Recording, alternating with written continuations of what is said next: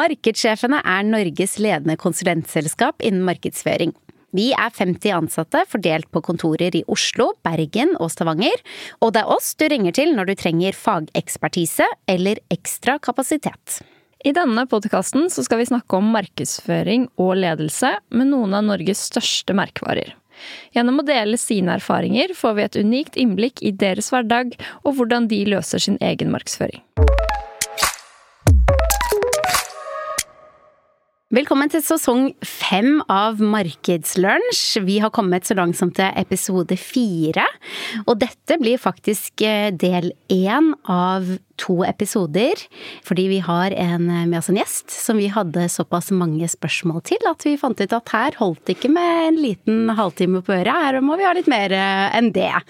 Eh, vi, jeg heter Trine, og det heter min gode makker også. Vi jobber i Markedssjefene. Og i dag så har vi med oss eh, Jørn Knutsen, markedssjef i Den Norske Opera og Ballett. Og Trine, kan ikke du ta en enda litt mer tydelig introduksjon av Jørn? Grundig introduksjon av Jørn. Ja. ja, altså Jørn, du startet jo eh, med filmvitenskap på Lillehammer. Eh, du har også en medieutdanning eh, kommunikasjon fra Volda. Så har du jobbet som salgskonsulent på Nationaltheatret. Det var også der du nevnte at du ble litt sånn hekta på kunst og kultur. du har vært salgs- og markedssjef på Chat Noir har. Du har vært senior kommunikasjonsrådgiver på en Onsdag kunstsenter, jobbet i Kulturdirektoratet. Og nå er du da altså markedssjef for Den Norske Opera og Ballett. Velkommen til oss. Takk for det. Så du har jo både med deg dette med på en måte institusjoner, du har jobbet i det litt mot det private og kommersielle. Så du, jeg vil si du har en, en ganske bred bakgrunn som du tar med oss eh, i dag. Ja. 22 år har det vel blitt, so yeah. far. Eh, stort sett innenfor kunst og scenekunstfeltet særlig. Det er ikke verst, du har jo jobbet deg gjennom ganske mange kulturinstitusjoner eh, underveis her. Ja, det har blitt det. Ja, mm. ja, og jeg kan jo ærlig innrømme at jeg har ikke jobbet så mye med denne sektoren i det hele tatt. Nei. Jeg stiller ganske blank med ganske mange spørsmål. Mm. Ja, og du Trine, du har vel kanskje heller ikke så mye erfaring fra det her? Nei, altså jeg har vært innom uh, musikkbransjen og musikkstreaming og sånn, men jeg må jo si at uh, du stiller nok Kulturelt vil jeg si du stiller ganske mye sterkere enn meg. ja. Høykultur og lavkultur. ja, men uh, vi begynner litt, litt bredt vi når vi starter denne samtalen, tenker jeg. Um, for hos dere, hvordan har dere på en måte rigget dere? Altså, Altså, hvordan er det dere jobber? Jeg har skjønt at dere både har på en måte en kommunikasjonsavdeling og en markedsavdeling. Hvordan er det dere har, har eh, bygget det opp hos, eh, hos dere? Hos oss er vi bygd opp under eh, et direktørnivå med en markeds- og kommunikasjonsdirektør. Og under i den søylen som vi kaller det hos oss, vi har delt opp i Søyle er som begrepet i vårt organisasjonskart. Mm. Under markeds- og kommunikasjonsdirektør, og den enheten så finnes det både en kommersiell avdeling, det finnes en akkurat nå en formidlingsavdeling, det finnes en salg- og markedsavdeling som jeg representerer, kommunikasjonsavdeling. Også en egen avdeling for system og analyse. Mm. kommersiell avdeling, hvis jeg ikke nevnte det. Jo, så mm. der stusset jeg på, for du sier kommersiell avdeling, men også en salg- og markedsavdeling. Ja. Hva ligger i den kommersielle kontra salg- og markedsavdelingen? Salgmarked håndterer alt av uh, billetter og billettsalg. Uh, forestillingsrelatert uh, både markedsføring og salgsarbeid. Mens vår kommersielle avdeling håndterer alt av kommersiell utleie. sponsorkontrakter, samarbeidsavtaler innenfor det kommersielle feltet. Nettopp, ja. Og det henger jo litt sammen med at vi er en institusjon som, som får veldig mange henvendelser å håndtere. Mm. på både, både leie av stedet, men også bruk av huset til alt fra filminnspillinger til TV-serier, mm. fotoshoots og andre ting. Men jeg vil jo tro at eh, altså, i mange bedrifter vi treffer, så er det jo det at eh, salg og marked ofte jobber i siloer. Eh, mm. dere som eh, er flere avdelinger, men likevel jobber mye innenfor det samme. Jeg vil tro dere må jobbe ganske bra sammen? Ja, vi jobber både bra sammen og tett sammen. Mm. og der vil jeg jo si innenfor vår enhet så er det jo særlig, og, og mitt område, så er det jo særlig både det kommersielle feltet, hvor jeg og min avdeling representerer da billettsalg og den delen av egeninntekten vår. Og så er den andre delen av egeninntekt hos oss er knytta til sponsor og de avtalene. Mm. Det håndteres da av kommersiell avdeling. Og så jobber vi tett med kommunikasjonsavdelingen vår, mm. som har ansvar for alle typer organiske plattformer, ikke den kjøpte markedsføringen og kommunikasjonen. Da. De også produserer veldig mye innhold som vi gjenbruker i vår markedsføring. Og så har vi en viktig enhet som er systemanalyse, for vi er jo helt avhengig av å ha både billettsystem og nettside sånn som fungerer som en, en god salgskanal. Mm. Så der, vi, vi, jobber veldig tett og er eh, også ganske operative som, også på mellomledernivået som jeg representerer, da, mm. sammen med våre team og våre avdelinger. Mm. Hvordan er det dere, Har dere statusmøte, ukentlige statusmøter, sånn helt konkret ned i purra, hvordan er det dere jobber sammen? For å få det til? Vi har både et eget ledermøte innenfor vår eh, enhet, hvor vi koordinerer og samkjører oss en del. Det er også ganske operativt egentlig, men også for, for forsøk på å jobbe med strategi. Så det er prøve å ha minst to tanker i hodet på en gang. Og så er, er, det egne team. altså har, Vi har egne avdelingsmøter i avdelingene våre, men vi har også koordinerende møteplasser mellom både kommunikasjon, salg, marked, for å få på plass alt av type innholdsproduksjon og sånne ting. Vi gjør jo alt, eller nesten alt, av både video, type podkaster, foto, tekstproduksjon. Alt gjøres egentlig inhouse hos oss.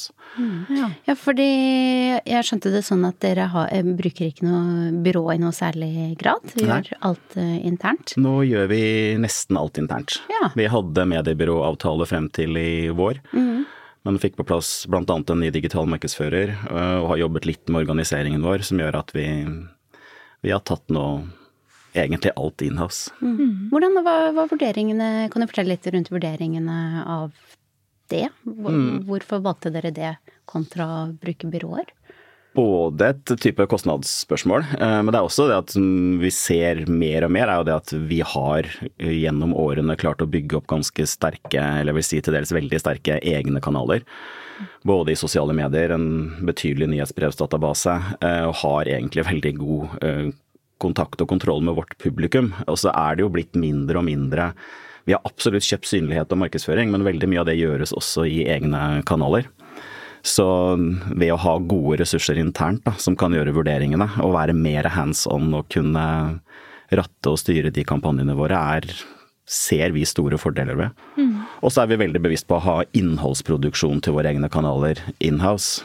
For jeg tror litt det der å Hvis vi skal lykkes med å lage godt innhold om alt det spennende som skjer hos oss, f.eks. tilblivelse av en forestilling, eller om det er spennende ting som foregår på verksteder, eller prøvesaler, eller altså prosessen ved å skape det vi gjør, da så er det en stor fordel å ha folk inhouse som kjenner huset. Som kan lese prøveplaner og skjønne hvilke møter og settinger de kanskje bør være til stede i for å få det gode innholdet. Mm. Litt mer dynamisk, uh, hive seg rundt uh, Ja, absolutt. Ånd, Men også noe tillitsgreier. For det er klart det der å skape de prosjektene som vi gjør, kan være ganske sårbare ting. Det er uh, Du skal føle deg og jobbe deg frem til et kunstnerisk resultat på en scene som skal møte et publikum, og veien dit, til den premieredagen, kan være både strømlinjeforma, men det kan også være ganske mange bumper i veien, da.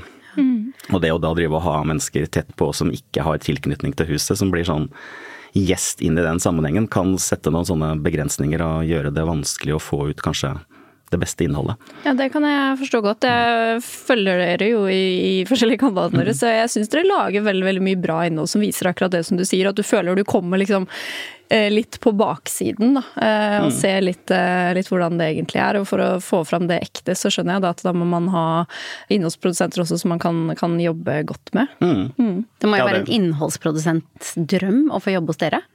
Altså med så ja, mye visuelt og eh, altså audiovisuelt. Altså mm. hele spekteret. Ja, det er, men det er jo noe av det som vi prøver å jobbe med og som vi ser at gir gode resultater også, er jo det å vise frem hvordan vi faktisk lager det som treffer et publikum på en scene. Mm. For det er både lange planleggingshorisonter og ekstremt mye jobb som ligger bak. Mm. Så er det jo morsomt å være på det huset i Bjørvika hvor man, det var en av strategiene og bevisstheten også når man bygget huset, var jo å samle all virksomhet inn under samme tak. Så vi har jo alt fra egen systue, skomaker, hattemaker, snekkerverksted. Prøvesaler for alt av både opera, ballett, orkester, prøvesal. Alt det fins under samme tak, og det gjør noe med at man er et veldig stort fellesskap om å lage det produktet da, som skal ut i et marked og treffe et publikum. Mm. Ja, Det er jo det som er så spennende så. med å gå rundt operahuset. For hvis du går liksom på baksiden, så kan du kikke inn, og der er det jo alt med kostymene og mm. systuene, og det er så mye spennende. Man kan bare stå liksom på utsiden og kikke inn. Altså, det er helt håpløst. Jeg elsker jo å sy. Det er helt håpløst å gå ved siden av meg ved operaen. Jeg går jo liksom i sneglefart på alle de syerskene. Det er jo et fantastisk konsept dere har med å ha alt under samme tak. Ja, virkelig. Og det er, det er sånn Snøhetta skal ha mye ros for den jobben de gjorde når de tegna det huset, men også den bevisstheten på dette. At man skal ha en synlighet da, på hva, hva, er det som foregår her inne i denne store fabrikken. Mm. Som det jo tross alt det går betydelige midler fra, fra skatteseddelen til folk inn dit hvert eneste år. og Da er det et eller annet med å ikke legge skjul på hva er det som foregår her inne, og hvordan er, hvordan er dette huset? Hva er, det, hva er det det faktisk representerer, da, med over 600 ansatte og 40 ulike fagfunksjoner og yrkesgrupper som holder til under samme tak. Men det, du, men det da med at dere, dere bruker ikke byrå, det, det, skjønner jeg veldig godt. Um, men en av de på en måte, fordelene folk ofte drar frem da, i en markedsavdeling ved å bruke byrå, er jo at det, det gir de det på en måte, eksterne synet på ting. Hvordan er det dere prøver å jobbe for å sikre at dere fortsatt klarer å se på ting eksternt? At ikke det bare blir dere, deres interne øyne på, på alt dere gjør? Et, et veldig godt spørsmål. Altså, det, det, er relativt nytt for oss å ikke ha det byrået. Ja. Og vi prøver å minne oss selv på hele veien at uh, det er mye som er veldig særegent og spesielt ved det vi holder på med hos oss. Vi er blant annet den eneste store Vi er den største institusjonen da, i hvert fall, som leverer opera og ballett på det nivået som vi gjør hos oss, og i det omfanget, ikke minst. Eh, så det er en spesiell side ved det. Men så er det fortsatt sånn at vi skal selge billetter til et publikum og møte et publikum, så vi prøver også å minne oss selv på at jo da, det er mye hos oss som er eh, spesielt og særegent, men det er også veldig mye som ikke er det. Så vi må finne den balansen på hvor er det vi får inputen, hvor er det vi henter inspirasjonen vår hen. Ja. Så det er viktig for oss å både følge med på hva som skjer i markedet, og hvordan er det både sammenlignbare institusjoner internasjonalt. Så hvordan er det også andre aktører i markedet innenfor egentlig liveunderholdning som vi holder på med. Hvordan er det de, Hvilke trender er det som rører seg der? Hvordan er det vi ser at andre gjør ting, og hente inspirasjon. Mm. Så ikke bare sitte på vår egen tue og tenke at vi kan best og gjør det best. Så det er et veldig godt spørsmål, og vi må, vi må jobbe med den balansen. Mm. Også, og prøve også å unngå det der å gå i noen uh, vante spor unngå å snu bunken? Ja, Det er jo alltid interessant hvordan man får til det, men det, kanskje vi må invitere deg tilbake om et års tid og høre hvordan det har gått? Ja, Siden dette er et nytt et prøveprosjekt for mm. dere. Mm. Ja, og så tenker jeg men vi, vi, har bevissthet på det at uh, her kan det finnes uh, type eksterne fagmiljøer som man kanskje mer kan bruke til sparring og idéinnhenting, da, mm. enn at man faktisk skal bruke f.eks. eksternt byrå til å utføre jobb. Mm. Mm. Det er en forskjell på det. Så da å finne den balansen. Absolutt. Mm. Men jeg tenker vi kan jo eh, snakke litt om på en måte oppdraget deres. Altså, dere har jo, du har snakket om tidligere at dere har på en måte et klart oppdrag, og dere har jo selvfølgelig mål, og dette styrer jo markedsarbeidet deres. Mm. Hvordan, eh, hvordan, jobber dere med det? Altså, oppdraget vårt er veldig klart definert gjennom Vi er et eh, AS, men vi er 100% eid av staten, og Kulturdepartementet er vår eier. Uh, sånn det, og det legger føringer i vårt tildelingsbrev, som det heter, på hva er det vi skal levere på. Eh, og det handler om både opera, ballett, klassisk eh, musikk på høyt internasjonalt nivå. og Der ligger noen helt klare føringer på det. Vi har føringer på å skulle nå et bredt publikum og nå ut til eh, både nye publikumsgrupper og altså egentlig hele i forhold til alder og etnisitet og alt. Det ligger det føringer på. Så det å levere innhold på det er viktig. Mm. Men da er det jo eh, på en måte, skjønte jeg da, at dere har på en måte en kunstnerisk ledelse som på en måte er ansvarlig for at dere har denne balansen, som du sier, på en måte på repertoaret. Men eh, samtidig så er det jo klart at dere er jo også en kommersiell bedrift på enkelte områder. Så hvordan er det dere jobber da sammen for å på en måte balansere det, det kulturelle og det, det, kommersielle der? Mm. Børs og katedral. Børs, ja, ikke sant. Ja. ja. Nei, altså, det, det, er jo noe av det som jeg syns er spennende med det huset, er at vi har eh, Det er vel ca. et sted rundt 80 av eh, finansieringen vår kommer fra det statlige tilskuddet. Og så har vi et sted mellom 15 til 20% som vi er ansvarlig for selv. Og det er hovedsakelig gjennom billettinntekter. Og så er det sponsor- og samarbeidsavtalene. Og så er det sånn at det er kunstnerisk ledelse hos oss som har den virkelig store friheten til å skape den kunsten som uh, som de ønsker, sammen med, med, de kreatørene og de menneskene de henter inn av regissører og kunstneriske team, og ikke minst egne kompanier, da, for å skape dette. Eh, så den der armlengdes avstanden til den bevilgende myndigheten og at kunsten sånn sett skal være fri. Eh, men så har vi som du sier også det der kravet til at vi skal tjene disse egne pengene. da. Så det er en viktig oppgave for kunstnerisk ledelse også å finne den balansen på kanskje noen sånne blockbustere eller titler, altså produksjoner som man antatt tenker at kan selge godt med billetter. Og finne balansen på det også da å skape det, den kunsten som er kanskje smalere eller ikke nødvendigvis er tenkt å skulle treffe den brede målgruppen. Og det er helt klart, eh, et helt klart definert oppdrag for vår del. Mm. Er, er f.eks. Nøtteknekkeren, er det en sånn klassisk uh, blockbuster? Ja, det er en blockbuster, ja. helt mm. klart. Ja. Og når man putter sånn type La Traviata-produksjon på plakaten, så vet man stort sett at man selger billetter. Mm. Og så har vi jo disse uh, Vi har ca. 180 opera- og ballettforestillinger i året. Uh, altså spilledager. Eh, og så er det jo da klassiske konserter og sånne ting også som fyller den spilleplanen utover det. Og så har vi på toppen da ledig kapasitet som kan brukes til ren kommersiell utleie. Mm. Som vi også gjør. Type pop-rock-konserter, eh, den biten. Som også er en viktig del for den kommersielle eller egeninntjeningen vår, da. Mm. Og som jeg også tror i tillegg til å være et bidrag til økonomien, så er det også en, kanskje en sånn terskelsenker for å gå inn i huset vårt. Det er noe vi mm. jobber veldig mye med å ikke være det skal ikke være skummelt å komme inn i operaen eller å gå inn i operaen. Mm.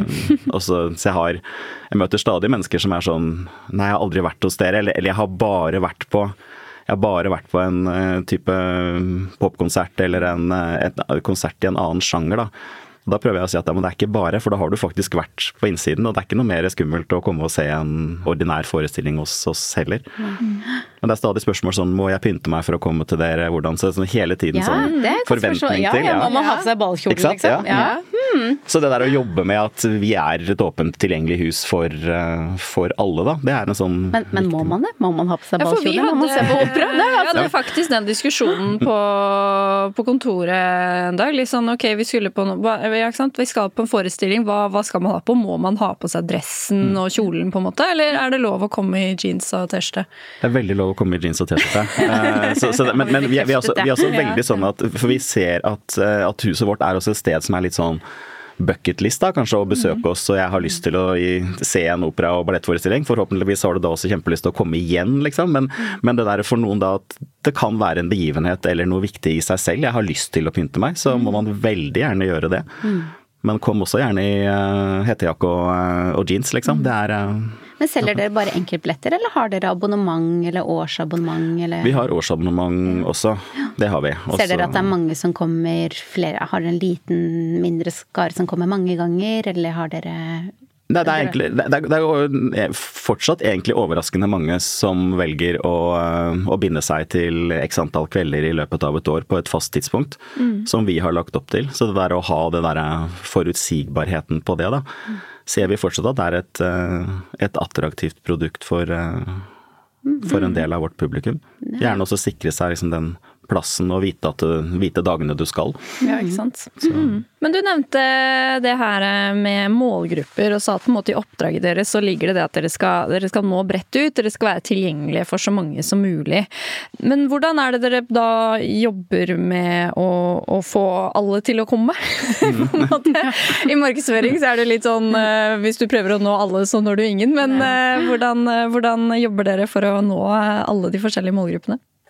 Det handler både om, eh, om, Jeg tror det er mye ligger i kommunikasjonen vår, i hvordan vi faktisk eh, både markedsfører oss og kommuniserer i våre egne kanaler. Det der å ikke intellektualisere for mye, eller på en måte skape en sånn der avstand. da. Eh, kanskje heller ikke forklare i hjel alltid hva det er vi holder på med, men faktisk mer skape stemning og formidle en opplevelse. Mm.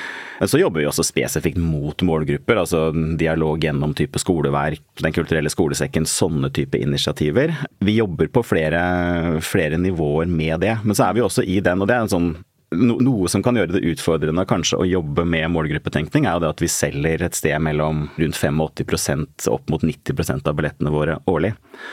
Det er jo eh, så, som går gjennom Ja, det er helt fantastisk. Ja, det er bra belegg. og så må ikke det bli en hvilepute for at man også kanskje ønsker å nå et nytt publikum eller snakke til nye målgrupper, da, men, men det er litt begrenset også hva vi har av billett og kapasitet til faktisk å gjøre det. Mm. og det er jo en virkelig en stor fordel at vi har såpass uh, godt belegg som vi har. Så, og så tror jeg også skal man lykkes med å nå det, er ikke bare gjennom markedsarbeid og kommunikasjon at du kan nå et nytt publikum. Det vil også handle om type hva slags innhold er det man presenterer. Mm. Uh, og der er det veldig god dialog og høy bevissthet hos vår kunstneriske ledelse på at man også Hvordan jobber man med f.eks. barne-familieforestillinger? Hvordan jobber man med forestillinger med et spesielt innhold for å treffe målgruppe? da. Mm. Så. Jeg tenker litt på denne TikTok-generasjonen, eller ikke nødvendigvis bare de, men eh, altså alle har jo fått et mindre og mindre attention span, som mm. vi vet i markedsføring. Mm.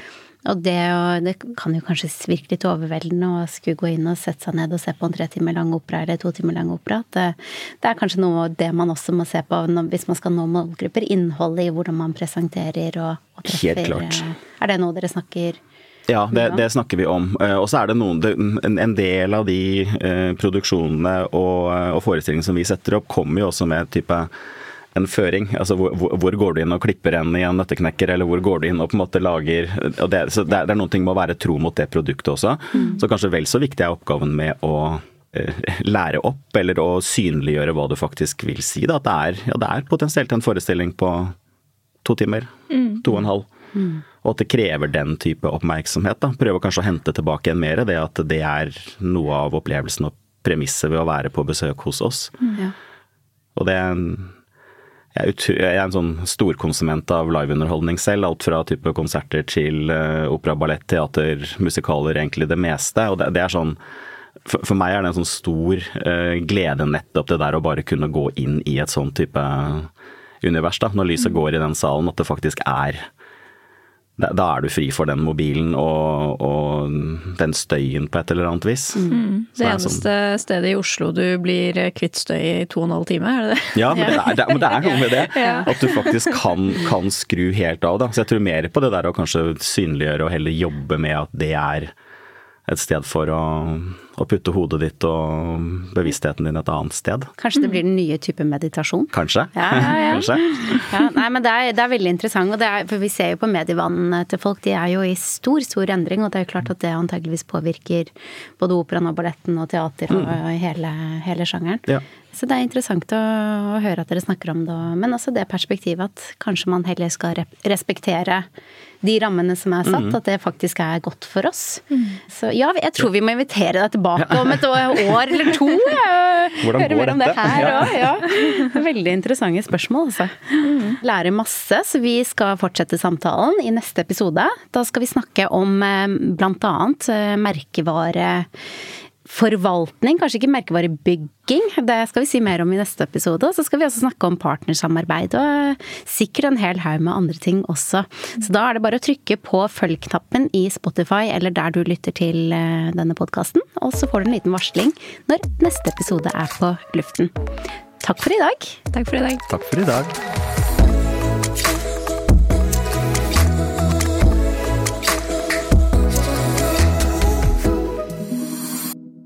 Denne podkasten er produsert av Monster Podkast for markedssjefene.